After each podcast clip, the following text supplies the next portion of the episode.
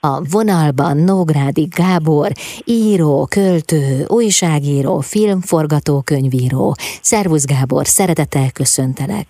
Jó napot kívánok, üdvözlök mindenkit, és szervusz Edina generációk egész sora nőtt fel a könyveiden, most pedig te magad a fiaiddal indítottál egy írósulit nem csak íróknak. Gondolom azzal a nem titkolt szándékkal tetted mindezt, hogy valamelyest megtanítsd a kommunikáció művészetét azoknak, akik erre kíváncsiak és fogékonyak. Igen, tulajdonképpen ez nem egy új ötletem, hiszen most kezdjük ott, hogy népművelő voltam 1550 évvel vagy 40 évvel, tehát ez valahol ott kezdődött, de igazából 40 éve kezdődött, amikor Gergelyt és Bencét, a két fiamat kezdtem tanítani arra, hogy tudjanak fogalmazni. Többet tanítottam őket, mint amit az iskolában megtanultak, plusz hozzá kell tennem, hogy szegény feleségemet is rávettem, hogy próbáljon megírni, mert úgy éreztem, hogy mindenkinek akármi lesz a szakmája, akármi lesz a mesterség a világban, nagyon fontos, hogy írásban, szóban, pontosan, jól, szépen, hitelesen és érzékletesen kifejezze magát. Úgyhogy szegény gyerekeim 12-13 évesek voltak, igen, igen, igen. Körülbelül ennyi idősek voltak, amikor elkezdtem velük iratni riportokat, kis interjúkat, és igen, ügyesen haladtak, pedig hát el kell árulnom, nem hiszem, hogy több tehetségük volt, mint bárkinek az ő korosztályukból, aki körülbelül úgy közepes és négyes között ingázott, mint ők. Na persze szerettek nagyon olvasni, hát azért ez egy döntő dolog, erről majd később esetleg uh-huh. beszélünk, hogy az olvasás mennyire fontos. Az íráshoz is. Éve, igen, az íráshoz is. Úgyhogy 40 éve kezdtem, aztán 20 évvel ezelőtt az internetre, a honlapomra, tehát a nográdi.hu-ra föltettem egy íróiskolát. Olyan 2001-2002 körül. Ez 15 leszkéből állt, még nagyon kezdetlegesek voltak, néhány feladattal, nagyon édesek voltak a válaszolók, borzasztó tehetségesek voltak. Remélem most már ugye 20 évvel később, 30-40 évesen saját gyerekeiket tanítják írni. Úgyhogy az, ez az íróiskola volt az első, és most néhány évvel ezelőtt a Bence fiam rávett arra, hogy próbáljam meg az író-olvasókon előadott előadásaimat rögzíteni. Nagyon sokszor eljött videóval, kamerával, vagy magnetofonnal is fölvette ezeket az anyagokat, éreztem, hogy valamit akar csinálni belőle, meg akarja őrizni. Hát gondold meg, 800 író-olvasó találkozó, hogy, hogy, hogy mennyi mindent elmondtam ezen a 800 író-olvasó találkozón. Tényleg borzasztó sok mindent az írásról, az életről, a, a kommunikációról, és ő meg akarta őrizni.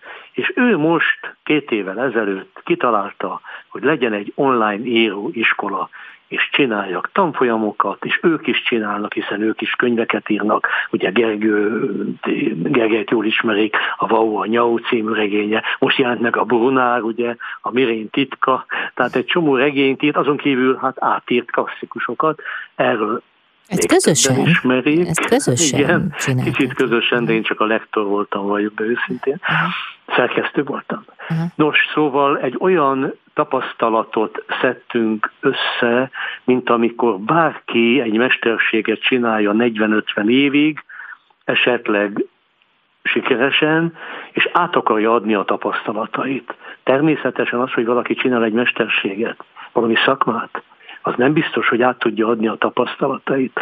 De én bízom benne, hogy a népművelő múltam, a tanítói múltam, az írolvasó találkozók 800 alkalma, hm Érzed, ugye, hogy... Hát elképesztő számokról beszélgetünk. Igen. De te ezt hihetetlen lelkesedéssel végezted. Sokat igen. meséltél erről, hogy mennyire szeretsz találkozni a fiatalokkal, mesélni igen, igen, tulajdonképpen, hogy mondjam, ők mentették meg az életemet egy kicsit, nem igen. tudom ezt mert elmeséltem-e, hogy volt egy probléma a szívemmel, ugye egy érszőkület, és ez furcsán fog hangzani, de ö, nagyon rosszul éreztem magam általában akkor különösen, hát aki ezt ismeri, azt tudja, amikor lépcsőn fölmentem, vagy siettem valahova, szegény anyám beteg volt, intenzíven volt fönt a János kórházba, amikor mentem fölfelé ott a dombon, mert ott fölfelé kell menni ugye a Jánosba a intenzívre, akkor nem kaptam már levegőt, és, de akkor is kellett vállalnom ezeket a találkozókat, mert már meg volt tervezve, be volt be volt tervezve, ugye el kellett menni. És amikor ott voltam a gyerekek előtt, semmi bajom nem volt. Ezt úgy képzeld el, hogy egy órán keresztül állsz és ugrálsz és járkálsz és beszélsz és mondod és, és hihetetlen lendületbe és indulatba vagy. Hát te ismersz, hogy hanem arról, hogy milyen indulatos vagy. Erről csak a feleség. Na de a de... tempóról, arról igen, meg arról, hogy, hogy mennyire elkötelezett vagy. Na de mondd csak tovább. Szóval a lényeg az, hogy amikor ott voltam, meggyógyultam, egy órát jól voltam, és egy óra után megint rosszul voltam. Aztán meg kellett operálni, ki kellett tágítani az eredet, ezt már mindenki tudja. Úgyhogy azért mondom, hogy ők megmentették az életemet, és ez a 800 találkozó olyan információkkal töltött fel, olyan dolgok jutottak eszembe, amik szerintem soha az életbe nem jutottak volna eszembe, ha nincsenek meg a találkozók. Kleist írja ezelőtt 200 év, ugye a híres író, drámaíró, akit nem sokra tartottak, szegény öngyilkos, és lett még Goethe se ismerte el, de száz év múlva ugye a legnagyobb német írók közé emelkedett.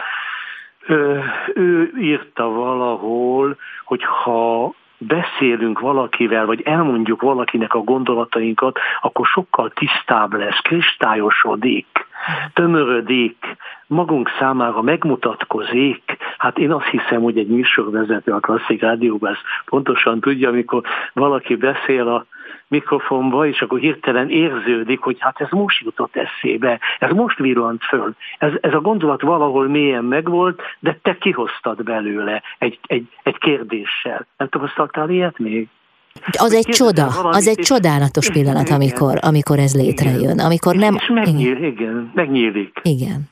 Megnyílik, szóval, na most ezt éreztem a gyerekeknél is, hogy, hogy olyasmi jut eszembe, ami egyszerűen csak mélyen elrejtve, mint egy bányába bennem volt, mint egy gyémánt, és ők kérdeznek valamit, és azt mondja, te jó ég, hát ez tényleg így van. Pedig már tudtam, tudod, ez olyan, mint az alkotás, az írás, a vers, a próza, hogy valahol mélyen ott van benned az a vers, de nem jut eszedbe, amíg nem kezded el az első sorát írni. Szóval mindenki azt hiszi, hogy a költőnek megszületik a verse hip-hop, mint mit tudom én, mondok egy vad példát, oké? Okay? Kései sírató, megvan, ugye? Uh-huh. József Attila. Most József Attila képtelenség, hogy ő neki ez az egész vers egybe eszőbe jutott. Neki egyszerűen eszébe jutott egy sor. Lehet, hogy Tverdotta a György, aki József Attilával foglalkozik, az azt fogja mondani, hogy buta vagyok, nem így született, de én szerintem így született. 36 fokos lázban égek mindig, és te nem ápolsz anyán. Ugye ez az első sor. Ez jutott eszébe. És akkor villant be benne, hogy, hogy hát tulajdonképpen mi az én bajom az egész életben? Hát ez, hogy nem ápol anyám, az anyahiány. Uh-huh. Ami annyi embernek a fájdalma. Uh-huh. És egy életen át tart a fájdalma. Jó, nem mindenkinek, de az életen át tart sok embernek. És eszébe jutott 36 fokos lázban égette, nem ápolsz anyám, mint lenge könnyű lány, ha odaintik, kinyújtóztál a halál oldalán, és érződik az írtózatos düh, harag és minden, nem is tudom mi ellen, az anyja ellen biztos nem, a halál ellen gondolom. És megszületett szép lassan sorol sorra a vers. Előjött a mélységből, amit ott őrizgetett már 15-20 éve magába, mióta az édesanyját elvesztette. Na hmm. így születik meg egy gondolat is. Attól, hogy verset kezdek írni, attól, hogy előadást kezdek tartani, és attól, hogy Bálint Edina kérdez valamit, és akkor eszembe jut, az, ami rejtve van. És hamarosan folytatjuk a beszélgetést, lesznek új gondolatok. Jövünk vissza, Nográdi Gábor író a vendégem. Gábor szöget ütött a fejembe az, amit az előbb mondtál az író-olvasó találkozókról, hogy ugye ezek ilyen interaktív kapcsolódások, és hogy ilyenkor nem az történik-e, hogy te elkezdesz beszélni magadról, és azáltal, hogy mondjuk a gyerekek kérdeznek tőled, te is egy kicsit a válasz során eltávolodsz önmagadtól, a saját belső nézőpontottól, és talán így vagy képes egy kicsit messzebbről megfogalmazni az adott kérdésre irányuló választ. Ennek a távolságnak van-e szerepe ebben? Itt arról van szó, hogy kérdeznek a gyerekek, de nem biztos, hogy a kérdéseikre jön ez a bizonyos távolságtartás, amiben megfogalmazok új gondolatokat, hanem a tekintetükből, tehát az, hogy ott vannak, a létezésükből Aha. sugárzik valamilyen kérdés, amit föl se tesznek, meg kell mondanom neked néha, és meg is mondom nekik, úgyhogy ne nyílt dolog, néha dühös vagyok, hogy nem kérdeznek igazán fontos dolgokat, mert tudom, hogy nagyon-nagyon sok minden izgatja őket, amit nem mernek megkérdezni. Mm. Hiszen én sem mertem annak idején megkérdezni a szüleimtől, vagy mástól bizonyos dolgokat. Nem mernek, hanem hát elnézést, hogy ezt mondom, de bugyutaságokat kérdeznek néha. De ugyanakkor a szemükből sugárzik a kíváncsiság. Látom, tehát ha valaki megnézi például a, a honlapomon a írólvasó találkozóknak a fotóit, akkor látszik a szemükből, hogy jön a kérdés, csak nem kérdezik meg, és erre a nem kérdezett nem elhangzó kérdésre jön az a bizonyos, kissé távolságtartó, messzebbről jövő válasz, amiben már egy felnőtt válaszol az ő föl nem tett kérdéseikre. Uh-huh. És akkor jön a meglepetés, hogy saját magam számára is meglepetés az, amit mondok. Uh-huh. Ezt azért fontos hangsúlyoznom, mert ezelőtt sok-sok-sok-sok évvel egy nagyon híres újságíró volt nálam a Kassák Klubban, most hirtelen eszembe jutott nem mondom a nevét. Uh-huh. Mindegy, nagyon híres uh-huh. újságíró volt, és nemzetközi hírű ember, és a gyerekek kérdeztek tőle valami vadat, és ő nagyon dühösen válaszolt rá, hogy ilyet nem lehet kérdezni, gondolom a Szovjetunióról, vagy valami Szolzsenyicéről, vagy uh-huh. valami, valami titkos dolgot kérdezték. Ilyet nem lehet kérdezni, ez nem lehet, nem téma, és amikor utána beszélgettünk négy szem közt az irodában, akkor mondta, hogy csak nem képzelt, hogy dühös voltam, Hát voltam dühös, csak erre így kell válaszolni. Magyarul ő nagyon képbe volt, ő nem, ő nem találta ki ott abban a pillanatban, hogy dühös legyen, ő bocsáss meg, hogy ezt mondom, de, de manipulált volt, és manipulált ő is, ahogy az egész korszak, ugye nyilvánvaló, hogy folyamatos félelembe éltem gyerekkorom óta, talán a Rákosi korszakban, de utána Kádár, és folyamatos félelem volt, mindenki ötször meggondolta, mit mond. És ez az újságíró azért volt híres újságíró, mert ötször meggondolta, hogy mit mond. És ha dühös volt, akkor ötször meggondolta, hogy ő most dühös lehet zárójelbe, amikor szegény Albert Jánost kérdeztem, hogy, hogy beszéljen Szorzsenyicénről, jöjjön el a kassákokba, akkor ő ilyetten kérdezte, de hát Szorzsenyicénről nem lehet beszélni, hát őt most kitiltották, hiába Nobel-díjat kapott, de mondtam, de, de hozzánk jöjjön el is beszéljen. Tehát Albert etikus ember volt. Ő tudta, hogy erről nem lehet beszélni, eljött, és beszélt róla, zárt körben. De ez a másik újságíró, ezt tudtam, nem tudom, hogy nem volt olyan nagyon zavaros ebbe az egészbe, csak érteni kell, hogy én olyankor talán meg sem gondolom pontosan, mit mondok a gyerekeknek, úgyhogy most, amikor voltunk Bugyiban, félre ne értsed, Bugyi uh-huh. egy község, ugye? Igen. Tehát voltunk Bugyiban a Gergelyel, akkor kérdeztem utána a tanároktól, hogy mondják, nem mondtam valami olyasmit, ami nem lett volna szabad, mert néha kiszalad a számon rengeteg minden, ami tudom, hogy pedagógusok nem mondják, és esetleg kellemetlen is, hogy ilyesmiről felvilágosítom a gyerekeket. Persze ilyenkor mindig azt mondják a tanárok, hogy ott vannak a könyvtös, hogy nem, nem mondtam, de én tudom, látom az arcukon, hogy, hogy mondok, mondok olyat, amit ők soha nem mondanának. Részben maguk miatt, részben a szülők miatt, részben az oktatásban ugye nem szabad bizonyos dolgokról beszélni. Úgy érzem, hogy te végül is a jelenlétből inspirálódsz. Igen, hát tulajdonképpen az egész életem is egy kicsit erre épül, hogy bármi benyomás ér, azonnal reagálnom kell rá. Tehát azonnal megszületnek bennem a gondolatok, sőt néha le is írom. Meg kell mondanom, hogy leírok sok dolgot, mert nem bírok nem válaszolni az élet feltett kérdéseire a benyomásokra, a hírekre. Folyamatosan jegyzetelsz? Ez azt jelenti? Jegyzetek, igen, és nem adom le. És nem adom le. Úgy képzeld el, hogy körülbelül két millió karakter Kettő millió karakter itt van a gépemben, amit nem adok le, mert nem adok állandóan botrányban élni, mert gyűlölöm az állandó összeütközést, mert nem bírom elviselni, hogy esetleg folyamatosan zrikáljanak engem a médiában, vagy, a, vagy a közösségem.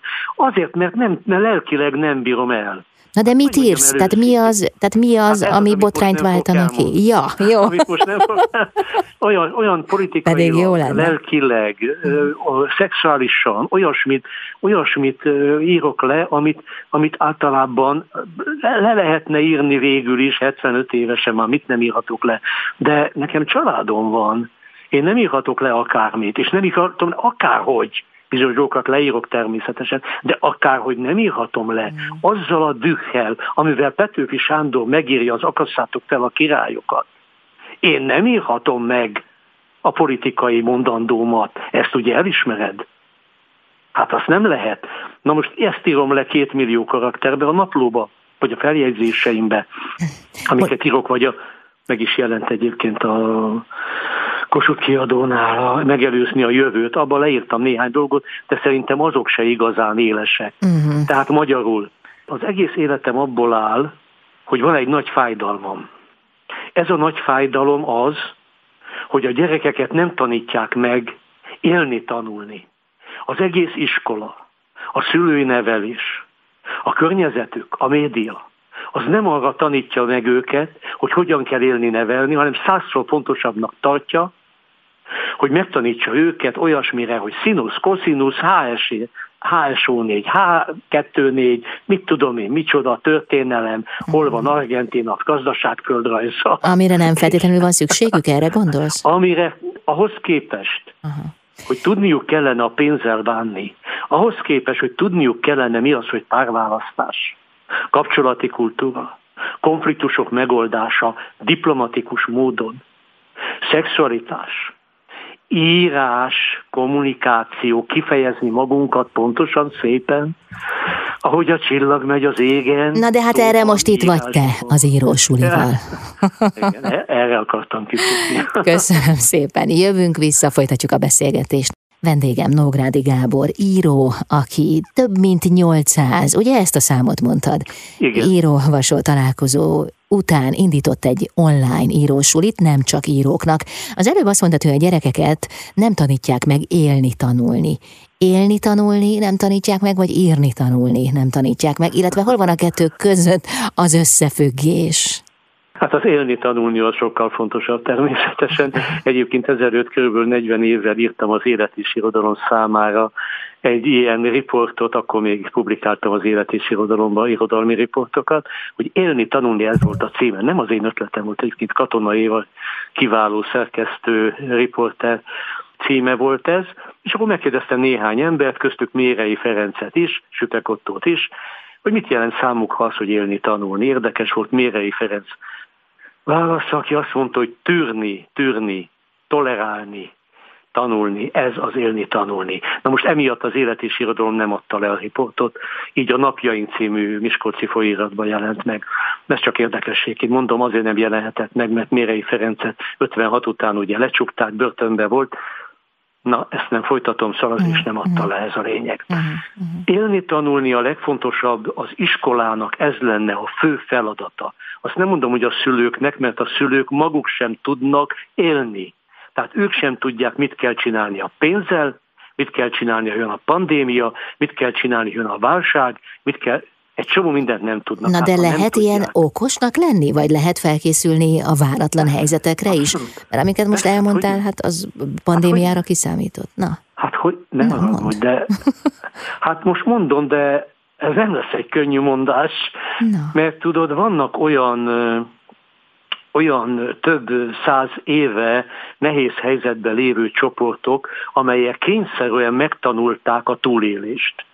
Ezek a túlélő csoportok, mint az örmények, vagy a zsidók, vagy Erdélyben a magyarok, ezek jobban megtanulták a túlélési technikát, mint akik erre nem voltak rászorulva. Ez idáig világos? Uh-huh. Világos, hát persze, logikus.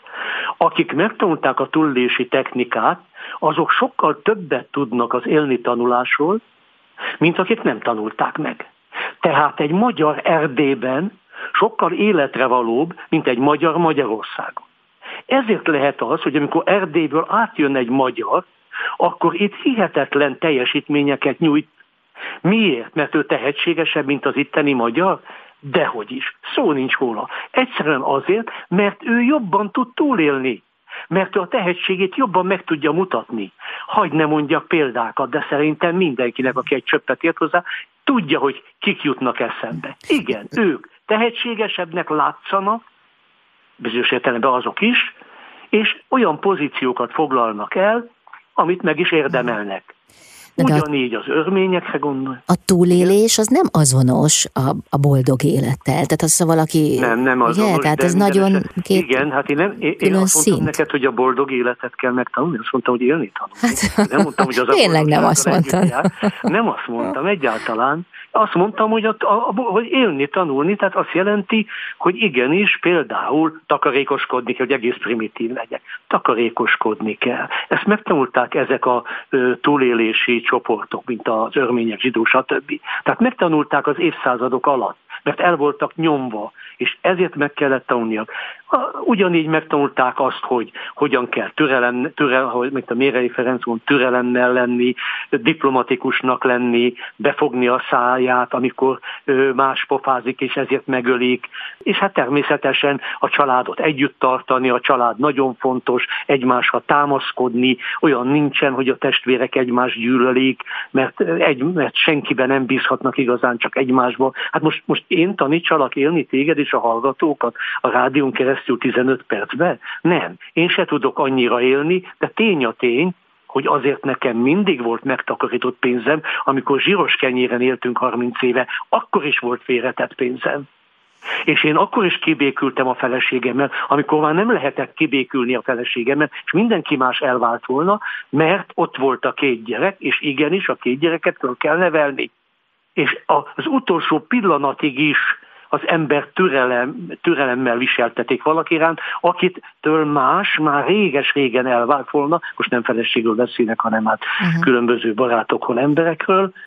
Én még mindig megpróbálok egy kommunikációt kialakítani, uh-huh. mint most például hiszen én végül is én ellenzékben vagyok, ezt mindenki tudja, aki egy csöppet ismeri az én verseimet, könyveimet izébe, tehát de én mind, még mindig megpróbálok diplomatikusan viszonyulni a jelenlegi rendszerhez. Mhm. Mert úgy érzem, hogy csak diplomatikusan, normálisan, megértve bizonyos fajta cselekedeteiket, információkat együtt kell működnöm ahogy minden normális rádió, média, stb. is, sőt még az ellenzék megfelelő vezető is megpróbálnak együtt működni, hát nem is együtt működni, ez túlzás, de valamilyen módon hát egy diplomatikus szinten kommunikálni velük. Visszatérve az írásra, igen, írni, tanulni azt jelenti, hogy az ember ki tudja fejezni pontosan a gondolatait úgy, ahogy ő akarja. Milyen szépet ugrottál, Gábor nem félreérthető módon. Mm. Jövünk vissza, folytatjuk a beszélgetést Nógrádi Gábor íróval. Vendégem Nógrádi Gábor író, aki indított egy online írósulit. De az előbb nagyon érdekes témát feszegettünk, hiszen arról beszéltél, hogy az embernek meg kell tanulni diplomatikusan fogalmazni, együttműködőnek lenni. De akkor is így van ez, hogyha a másik fél az nem ilyen? Tehát a végsőkig ki kell tartani ezen a pályán, hogy te akkor is lojális vagy, akkor is elfogadó vagy, akkor is végighallgatod a másikat, ha mondjuk kapsz a buksidra néhányat? Tulajdonképpen igen, meg kell neked mondanom, ez talán még soha nem mondtam el, érdekes lesz, hogy amikor anyám ezelőtt sok-sok évvel, 30 évvel mondta hogy antiszemita megszólalások voltak, akkor mindig mondtam neki, hogy figyelj ide, a társadalomban természetes, hogy vannak ilyen emberek, hogy vannak negatív megszólalások. Mindig arra kell figyelni, hogy ez állami szintre kerül, vagy nem kerül állami szintre. Alaksorban laktunk, pincében laktunk, nyomorogtunk, miközben a kassáklubot csináltam, a sebőklubot csináltam. Nem érdekes, ez mind nem érdekes. Egy a lényeg, hogy én leírjam, amit gondolok, és gondolhassam, amit gondolok. Nem jelenik meg, na bum, majd egyszer megjelenik, vagy nem jelenik, majd egyszer azt mondják, hogy na igen, ez igaz volt, vagy nem mondják. Nekem az is elég, hogy a könyveimet olvassák, mert szinte biztos, hogy a regényeimbe, azokban az ifjúsági regényekbe, gyerekrablás a Palánk utcába, Petepite, uh-huh. segítségember, abban benne van az én gondolatom, az én erkölcsöm. Nem gondolod? Ugyanígy a, a szövegbe, a regény történetekbe benne kell, hogy legyen, aki én vagyok.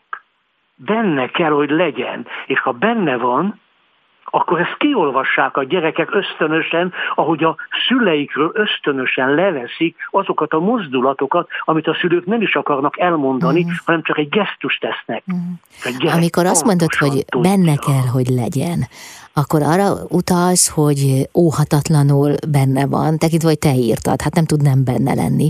Vagy pedig Igen, valamit, ah, óhatatlanul, tehát nem egy tudatos törekvésre gondolsz. Nem, nem, abszolút nem, nem, nem, nem, nem, az nem tudatos, hát ugye mikor írok, az nem tudatos, de benne van, mint a gyerekrablás a Palánk utcában, ezt is a legtöbben film is lett belőle. A gyerek nem egyezik be, hogy a szülei elváltak, mert szerinte csak egy félreértés volt, és szeretik egymást, ezért elrabolja saját magát, hogy újra összehozza a szüleit. Miről van itt szó? Egy gyerek lázad. Lázad az ellen, amit nem fogad el. Ez általános erkölcs Magyarországon, hogy a gyerekek lázadnak, és elérik azt, amit, amit, amit nem fogadnak el, szó nincs róla. De a gyerekrablás erről szól. Tehát én írtam egy könyvet, megjelent filmben, 700 ezeren látták, több százezeren olvasták, kötelező irodalom, és benne van, hogy kisfiam, kislányom, ne enged, hogy begyűrjenek maguk alá, ne enged, hogy rabszolgává tegyenek az iskolai oktatással. Ha kell, lázadj, mert neked is lehet igazad. Mm. Gábor, köszönöm szépen, azért te is egy nagy lázadó vagy, nem? Lázadó gyerek. Lázadó gyerek. Köszönöm. Jövünk vissza Nógrádi Gáborra. Vendégem Nógrádi Gábor, író, aki online írósulit indított. Gábor az előbb azt mondta saját magadra, hogy te egy ilyen lázadó gyerek vagy, és be is mutattad ezt a könyveden keresztül. Ez a lázadó gyerekkel való azonosulás, ez minden könyvedben megnyilvánul, tetten érhető? Tehát valahol ez, ez ott rejtőzik? Azt hiszem, igen, bár az összes könyvéből még nem született tanulmány, valahogy a kritikusok néha rettegnek, magam se tudom miért, arról, hogy kritikát írjanak a könyveimről. Általában a könyvekről az írnak, ha rossz a könyv, akkor rossz kritikát, ha jó a könyv, akkor jó kritikát, az enyémről semmit. Kertész Imre jut eszembe egyébként, aki azt mondta, hogy azért nem írnak a könyveiről, mert félnek megírni, hogy hát tulajdonképpen ők nem fogadják el, de a könyv nem rossz. Na, a lényeg a lényeg tehát, hogy valóban azt hiszem, ha végig gondoljuk, és majd egyszer megírja egy irodalomtörténész, akkor megírja, hogy minden egyes könyvem a lázadó gyerekről szól. Gondolja arra, hogy az emmike nem semmike, ahol az emmike állandóan harcol az apjával, minden körülmények között, és mindig szinte le is győzi, mert ő gyerek és világosan látja, hogy az apja nem mond mindig teljesen igazat. Vagy ott van a papa ne, nem áll, vagy ott van a nem vagyok sem, vagy ott van, a, ott van, vagy ott van az akár az öcsém zseni, bátyám zseni, ahol a, a gyerek a szülők teljesen szürkék és háttérbe szorulnak, és a gyerek az, aki, aki megmenti például a testvérét, hogy ellopják a találmányát, ugye az öcsém zseniben. De bármelyiket mondom neked, mindenütt a, a lázadás, a, a felkelés, a, az ellenállás van benne, és ez bizony valószínű az én gyerekkori lázadásom. Az az elfolytás tör most utat, amit gyerekkoromban átéltem, amikor a szüleim otthon hagytak egyedül és bezárva egész napra és, és ahogy az anyám írja a naplójába, hogy borzasztóan furcsa volt, egyáltalán nem sírtál utánunk, egyáltalán nem tiltakoztál. Hát persze, hogy nem tiltakoztam, mert láttam rajtuk a gesztusokból, hogy nem tudnak más tenni, nekik el kell menni dolgozni, és tele vannak félelemmel, mert anyám Auschwitzból jött vissza, hát hogy ne lenne tele félelemmel, rettegéssel, és apámnak nem tudom hány testvérét megölték, hát persze, hogy tele van, és ez átszivárgott a gyerekbe, és a gyerekből mi lett? Egy lázadó gyerek felnőttként, aki megírja a regényeiben a maga furcsa ifjúsági regény módján, ugye, elrejtve, eldugva, hogy lázadj föl, kisfiam, lázadj föl, ahogy az előzés című filmben Gaspar mondja, hogy lázadj föl, lázadj föl, kitűnő film volt, és ez úgy megmarad bennem. És ha te mondjuk feldolgozod annak idején a lázadó énedet, vagy azokat a szenvedéseket, traumákat, amik ezt előhívták belőled, akkor lehet, hogy nem ilyen könyveket írsz? Hát, hát jobb ez így nekünk, hogy te ezt nem dolgoztad fel? A helyzet az, hogy egyrészt egyáltalán nem biztos, hogy könyveket írok. Lehet, hogy ez az egész, ugye gyerekkorom, sőt biztos, ettől lettem író vagy költő, tehát ahogy, ahogy egyébként majdnem mindenki más, vagy, vagy mindenki más. Nálam csak azért jönnek ki ezek ebben a beszélgetésünkben, mert rengeteget gondolkodom az írói munkán. Azért írtam a, az írósuli.hu online íróiskolát is, mert próbáltam átadni valahogy azt, amit tudok. Mert folyamatosan azon gondolkodom, hogy miért írom ezeket, miért gondolom ezeket, miket gondolok, miből jönnek ezek. Mondtam, hogy két millió karaktert írtam le, ami meg se jelent. Miért írom le ezeket a eseményeket, mitől akarok megszabadulni. És meg kell mondanom, hogy azt hiszem, a gyerekek, akik felnőttek, akik olvassák a könyveimet, azok értik, hogy mit üzenek nekik. Mert őszintén szólva, nem mindenki szereti a könyveimet. Edina, nem mindenki olvassa a könyveimet. Nekem van egy olvasói célcsoportom, van egy olvasói gárdám. Ők azok, akik értenek engem. Nagyon sokan egyáltalán nem értenek. Nagyon sokan annyira nem értenek, hogy esetleg, kimondom, utálnak.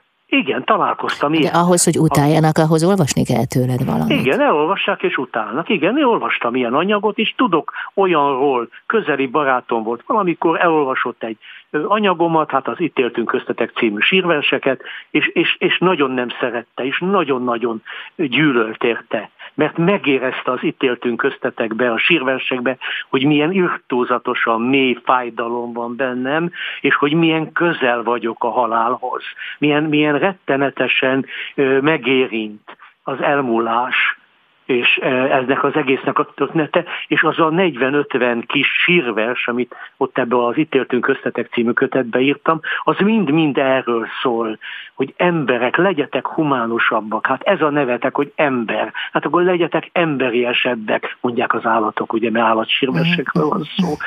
És ez a kedves barátom, ez megérezte, és rettenetesen taszította, nyilván ez egyébként attól, mert ő neki nagyon fájt ez a gondolat, vagy azért, mert ő maga sajnos súlyos beteg volt, vagy azért, mert elvesztett elvesztett közeli hozzátartozókat, és nem bírta feldolgozni a gyászmunkába a halál gondolatát, és ezek a versek másrészt másoknak meg borzalmasan tetszik, mint Szakonyi Károlynak ezek a versek, és odáig volt érte, hogy ő miért csak most ismeri meg, mert 30 év után, a megjelenése után, mert most ismerte meg, és írt róla, mert ő neki pedig pontosan tudta, hogy igen, na ezek a versek szólnak a legpontosabban a halálélményről. Mhm. És neked fontos az, hogy az alkotásaid elnyerjék a közönség tetszését?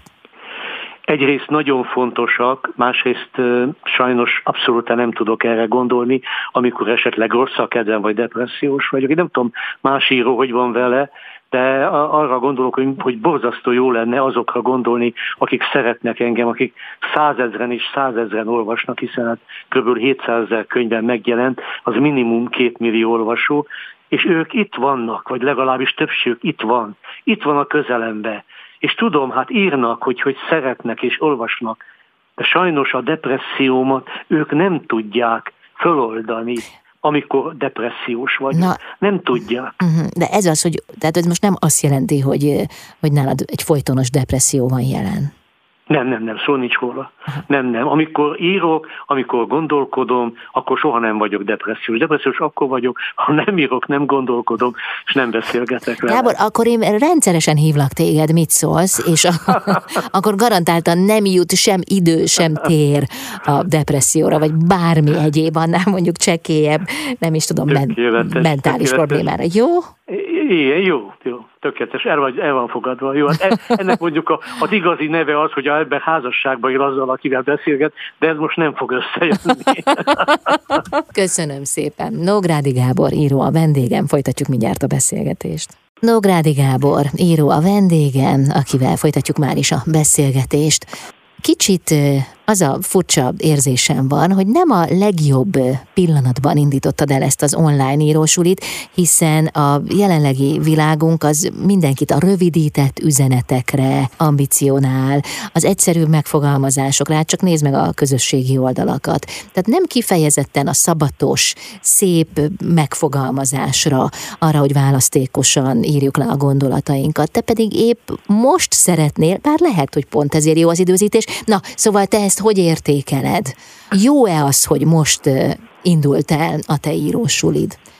Hát egyrészt a pandémia miatt online térbe szorultunk, tehát logikus, hogy egy online íróiskola, az írósuli.hu, az ugye most induljon el. Másrészt igazad van, mindenki igyekszik nagyon röviden, velősen, fél percbe csinálni egy videót például, nem mondom, hogy melyik cég az, amelyik ezt csinálja, vagy egyszerűen beszélni. De azt gondolom, hogy miután nekem nem mindenki tartozik a célcsoportomba, nekem azok tartoznak a célcsoportomban, akik valóban jól, pontosan, hitelesen, szórakoztatóan, meggyőzően, érzékletesen akarnak fogalmazni, akik a kommenteket, a posztokat, az e-maileket, a leveleiket, a pályázataikat a, úgy akarják megírni, hogy az valóban hasson, és ütős legyen, és céltérjon.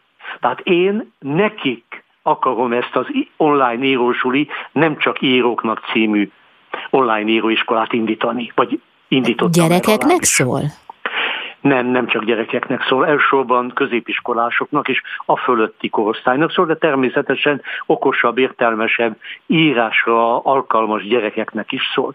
De azért szól mindenkinek, mert ma mindenki ír, és nagyon-nagyon rosszul ír nagyon rosszul ír posztokat, kommenteket, nem pontosan azt fejezik ki, amit mondani akar. Túl bőségesen írja le, nem olvassák el. Három mondatba is leírhatná, és akkor ütős lenne, de ő leírja 30 mondatba, amit ember nem olvas el. Uh-huh. Tehát próbálom az embereket ebben a modern korban rávenni, hogy próbáljatok meg tömörítve, sűrűn, pontosan, hitelesen, és úgy írni, hogy élvezet legyen olvasni, élvezet legyen válaszolni rá. Hát ebben Mikor a te újságírói múltad is segít téged, hogy tömören Abszolút megfogalmazni azt, amit egyébként... Hogy hát hosszan az íróiskolának egy része az olyanok, olyanoknak szól, akik újságírók akarnak lenni. Aha. Egy része olyanoknak, akik írók akarnak lenni, vagy költők, és egy nagy része olyanoknak, akik egyszerűen csak jól akarnak fogalmazni ebben a folyamatos, állandó, publikálós, kommunikációs világban. A 21. század a kommunikáció évszázadban. Aki most nem tud úgy fogalmazni, hogy az elérje a célcsoportot, illetve a célszemét, akinek ír, aznak vége. Hmm. Az nem tud sikert aratni a szakmájában, a hivatásában, az életében. Gábor, Minden egyes... Milyen hibákat vélsz még felfedezni a különböző posztoknál a közösségi oldalakon? Most az előbb azt mondtad, hogy sokan nem fogalmaznak elég tömören, elég célirányosan. Mi az, amit még felfedezel, mint mondjuk egy jelenséget, ami rendszeresen visszatérő hiba? Hát a visszatérő hiba az, hogy egy csomóan nem tudják a magyar nyelvet használni. Nagyon rossz, nagyon kicsi a szókincsük, nem olvasnak eleget, ugye szókincset olvasással lehet növelni. Azon kívül, hát ugye sokkal nagyobb probléma van, de ebbe ez sajnos az íróiskola, az én íróiskolám, az csak részben tudja kijavítani. A gondolkodás. Ugyanis amikor az ember írni akar, először gondolkodnia kell. Aki nem tud jól gondolkodni, az nem tud jól írni. A legtöbb probléma az írással, a beszéddel akkor van, amikor az embernek nem tiszták a gondolatai. Nem meggondolt a gondolat, vagy ahogy József Attila írja, hogy a most hirtelen nem is jut eszembe az idézet, a meg nem gondolt gondolat, igen, ez az idézet.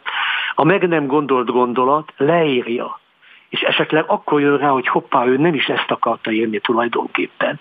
Mert nem gondol, gondolkodni sajnos egy társadalom tud tanítani, egy iskola tud tanítani, a szülők tudnak tanítani. Az íróiskola csak nagyon részben tud. Én most, mielőtt elkezdtünk beszélgetni, megint meghallgattam 15-20 előadásomat, ami benne van az első tanfolyamban, az író, írósuli.hu oldalon ebbe próbálok gondolkodni és tanítani, példákat hozok, feladatokat adok, rengeteg feladat van benne, amit meg kell oldani. Ha valaki meghallgatja, a feladatokat megoldja, már jobban fog tudni gondolkodni. Gondolkodj jól, utána fejezd ki magad jól, utána, amikor erre válaszolnak, akkor próbálj diplomatikusan, embermódra válaszolni. Nógrádi Gábor író a vendégem, jövünk mindjárt vissza. Nógrádi Gábor író a vendégem, az írósuliról beszélgettünk az előbb, mi az, amit itt meg lehet tanulni? Mert hogy korábban a beszélt nyelvre is utaltál, de az egészen más, mint az írott nyelv, más szabályai vannak. Nálatok hol van a fókusz? Hát nyilván miután ez íróiskola is, nagyon sok előadás szól arról a tanfolyamokban, hogy hogyan építs fel egy történetet. Itt van előttem például a tartalomjegyzék, csak néhányat jó, elmondok jó. belőle, akkor, akkor megérthető, hogy mit. Például azt mondom, hogy a láthatatlan tanár, Ugye a láthatatlan tanár az, aki a könyv maga, amikor olvasol, az is tanít. Mert hogy aki nem olvas, az nem is fog tudni írni. Van egy óriási írás egyetem a világon, ami ingyenes. Egy fillért nem kell fizetni érte. Mi az az írás egyetem? Hát az a rengeteg könyv, mm. amiből én is megtanultam írni. Olvasni kell, és az olvasásból tulajdonképpen megtanulom, hogy az írók hogyan alakítják a mondatokat, hogyan választják a szavakat, hogyan alakítják, formálják a történetet, a dramaturgiát megtanulom, a sztorit, uh-huh. hogyan kezdik, hogyan folytatják, hogyan élják a dialógust. Na de hogyan tanulhatja meg valaki a saját nyelvét, hogy ne valaki mást utánozzon? Először, nagyon jó, hogy ezt a szót mondod, hogy utánozzon, először utánozni kell. Mindig a legjobb utánzókból lesznek a legjobb újítók. Amikor valaki focizni akar, először nézi Messit és Ronaldot, és próbálja utánozni az edzésen. Amikor valaki fodrász akar lenni, a mesterét nézi. Amikor valaki már, bocsánat, műsorvezető akar lenni, akkor valószínű kamaszkorába a legjobb magyar műsorvezetőket hallgatta. És hallgatta, és hallgatta, és a színészeket nézte, és hallgatta. És így tanulta meg, hogy ők hogy csinálják, majd utána, miután tehetséges volt, a maga képességeit tette rá erre a tanult, utánzott bemagolt, hogy mondjam, anyagra. Tehát aki Ronaldót vagy Messi-t utánozza, az később nem Ronaldo is Messi lesz, hanem egy új, zseniális futbalista lesz, aki már a saját cseleit, lövéseit fogja csinálni. Ugyanígy lesz az író is. Hát én is utánoztam egészen 18 éves koromig. És tessék már elolvasni József Attila korai verseit. Tiszta Adi, Ó, Zordon szépség, trónusodhoz jöttem, búskoldusod. Hát most mondd meg, nem tiszta Adi? József, vagy Adi Endre korai versei, az pedig tiszta 19. század végi költő. És így tovább mondhatnám. Én 18 éves koromig csak utánoztam. Kit utánoztál? borzalmas rossz verseket írtam, Verlent, és Rembót, és Babicsot, és Adit, persze főleg József Attilát. Mindenkit, de Petőfi is utánzott. Petőfi először utánozta a század elő, a 19. század elő verseit, ugye hát szépen hexameterekbe írt, ugye, meg latinosan, a, a, aztán népdalokat utánzott, és aztán Petőfi lett belőle. Arany János olyan borzalmas rossz verset írt először, hát benne van egyébként valamelyik előadásomban, két sor, de hát akkor nyolc éves volt, Hát persze, hogy borzalmas volt az a két sor. És akkor az emberről aktuálisan leperegnek ezek a kis morzsák, amelyeket másoktól be, be, be, beépül, beépül. Hogy, hogy, nagyon, hogy nagyon nagyot mondjak. A mai magyar nemzetbe beépült az elmúlt ezer év. Néha azt mondom, hogy sajnos, néha azt mondom, hogy nagyon jó. Amikor azt mondom, hogy sajnos, akkor nyilván arra gondolok, hogy amit tanult az elmúlt ezer évből, az sajnos, az a része rossz. Azt kik el kéne tüntetni. a nacionalizmus, a sovinizmus, hát nem kell sorolnom nyilvánvaló, ezt nem lehet levetkőzni már holnapra, mint egy ruhát de megtanult rengeteg olyan dolgot, ami a harcba, a, az ellenállásba, a törökök, a tatárok, a Habsburgok jött ki, és az jó, azt meg kell tartani. Ugyanígy, mikor olvasunk valamit, akkor látjuk, hogy ezt szeretjük, ezt megtanuljuk, ez nekünk kedves. Ezt nem szeretjük, ezt nem tanuljuk meg, ez nekünk nem kedves egyetlen egy olyan írót nem tudsz mondani, aki 15-16-18 éves koráig nem másokat másolt. Bárkit, egy, mond egy Nobel-díjast, másokat másolt. Nézd meg a korai prózátját vagy verseit. Egyetlen, kivéve Arthur Rembót, oké, okay, van, van egy kivétel, Rembó, aki már 17 évesen zseniális verseket írt, és abba hagyta az írás 19 évesen végleg. Ugye? Tehát az egy különleges dolog de nem nagyon tudsz nekem olyat mondani, még József Attilát se, ugye, hogy ő már, mit tudom, 12 hát, évesen jó verset írt. Tehát ezzel azt mondod, hogy ez nem szégyen. Ugye? Ez nem szégyen, hanem ez a természetes útja ez a természetes. fejlődésnek. És nálam is az van, hogy csináltunk két tanfolyamot, mindegyik 20 előadásból áll, azt meg kell hallgatni, minden előadás 8-10-12 perc, utána jön majd a harmadik előadás, el kell végezni a feladatokat, rengeteg nagyon érdekes feladat van, azt szépen el kell végezni, ott a megoldás, lehet ellenőrizni, hogy jól, ér, jól csinálták-e meg, és fog jönni a harmadik előadás, és Bence csinálja a negyedik előadást a public speakingről, és utána következik Gergő az ötödik előadással, hogyan kell átírni egy klasszikus, vagy hogyan kell írni populáris regényeket, hogyan kell mások helyett megírni, ugye ő több könyvet írt Vujit Ritkóval, Rózsa Magdival és a többiekkel, Albert Györgyivel, hogyan kell ezt megcsinálni, ezt mind meg fogja tanítani a mi írósulinkban. Ez egy családi alkotás. Ez egy abszolút egy családi biznisz. Köszönöm szépen. Nógrádi Gábor író a vendégem. Jövünk mindjárt vissza. Nográdi Gábor, író a vendégem, aki online írósulit indított a két fiával együtt. Ugye pontosan erről van szó. Így van. Az merült fel bennem, hogy amikor te írsz egy könyvet, akkor neked szükségszerű minden szereplővel azonosulni, együtt érezni, mindenkinek az igazságát meglátni és megérteni ahhoz, hogy hiteles történetet írhass? Hát egy nagyon egy nagyon nyílt sebben nyúltál bele, mert, Na. mint mindig, mert valóban így van, nem csak az életben folyamatosan meg akarom érteni az embereknek a motivációit, hogy miért csinálják azt, amit csinálnak, bezárólag a miniszterelnökig és a hajléktalanig. Tehát mindig az egész életemben ez mozgatott, hogy próbáljuk megérteni, miért csinálja éppen úgy, amit csinál mert másképp nem tudom befolyásolni nem tudom a megértés nélkül változtatni rajta. Sőt, megfogalmazni se tudom igazán a véleményemet. Tehát minden egyes szereplővel, akiről írok, ahogy ez az igazi drámákban szokott lenni, együtt érzek, megértem őket. Annyira mélyen megértem, hogy az egyik könyvem például a, a, az Öcsém zseni, az arról szól, hogy a gyerekek az iskolában nagyon gyűlölnek valakit, aki egy borzasztó kis szemét, verekedő, pimasz, tenyérbe mászó kölyök. Rettenetesen gyűlölik. De mikor kiderül titokban, hogy ez a fiú, ez azért szemét, mert a mostohapja veri, akkor ezek a gyerekek a védelmére állnak, és megmentik egy nagyon-nagyon súlyos bűntől. Ez maga az egész regény miről szól?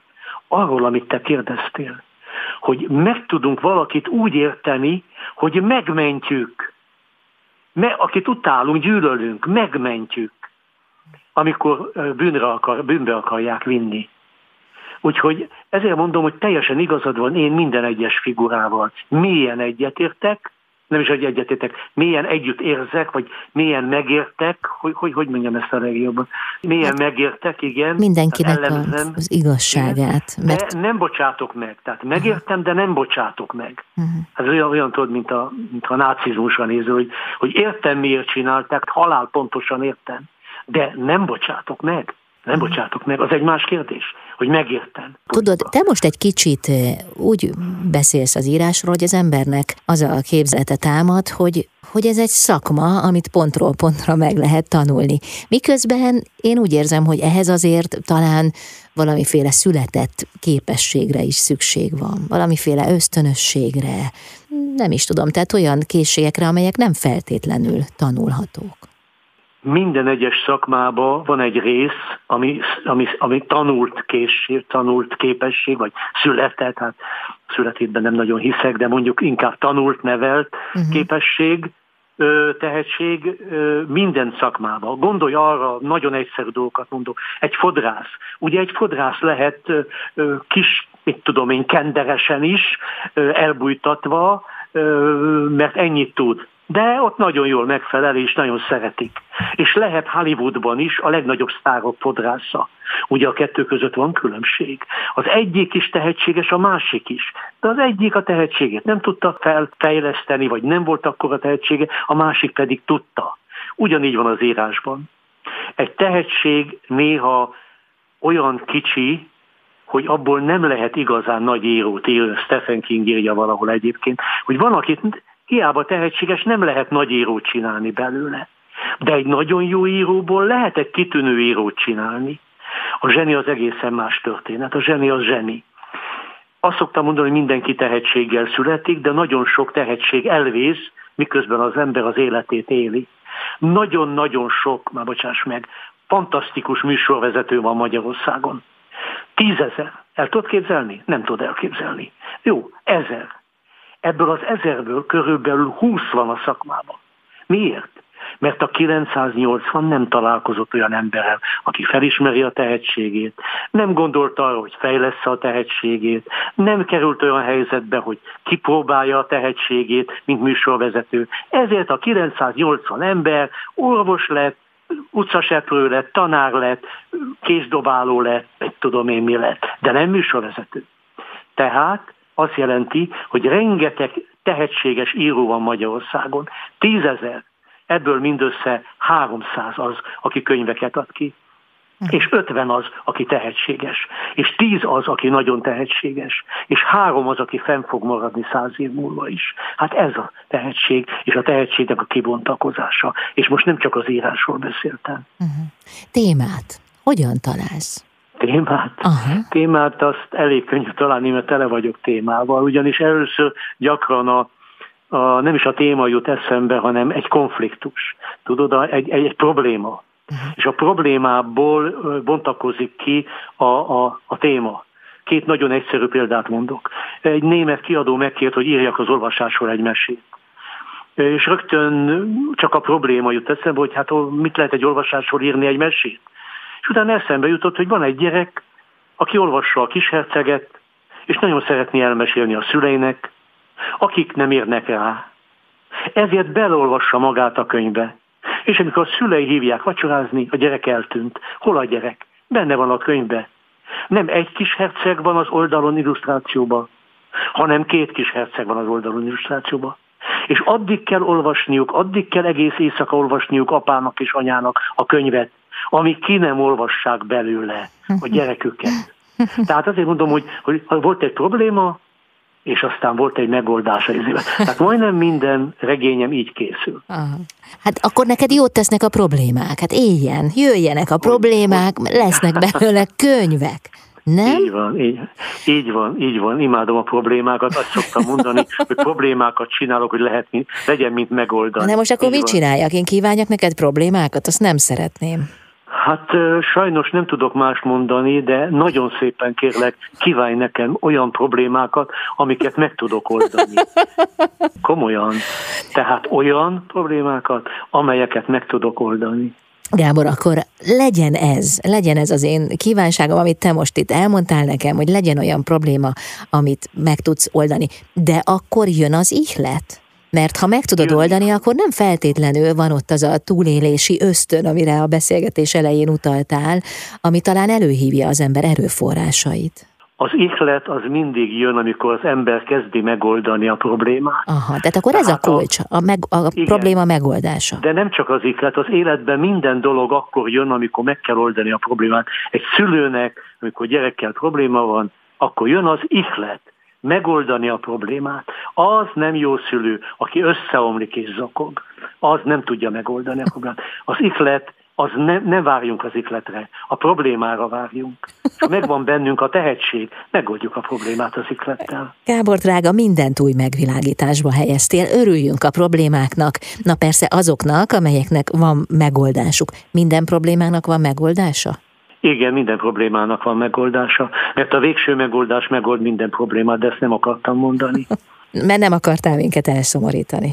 Igen, a helyzet az, hogy vannak nagyon nehezen megoldható problémák, de a történelem bebizonyította, hogy hosszú távon minden problémát megold. Ne felejtsd el, 200 éve még az én ősszüleim földkunyhóba laktak. Ma Duna mellett egy gyönyörű kertbe lakom, és így van egész Európa hogy valamikor egymást ölték az emberek, és rabszolgák voltak, és ma az alapjövedelemről folyik a vita. Arról, hogy embereknek ingyen adjunk jövedelmet, hogy meg tudjanak élni. És ez nagyon jó. Tehát óriásit fejlődött 200 év alatt a világ. Úgyhogy szeretnék 200 év múlva élni. Én megkérdezni téged. Így van, tökéletes. Tűző ki ezt célnak. Nagyon szépen köszönöm. Én köszönöm. Nógrádi Gábor író volt a vendégem, ezzel búcsúzom, Bálint Edinát hallották, viszont hallásra.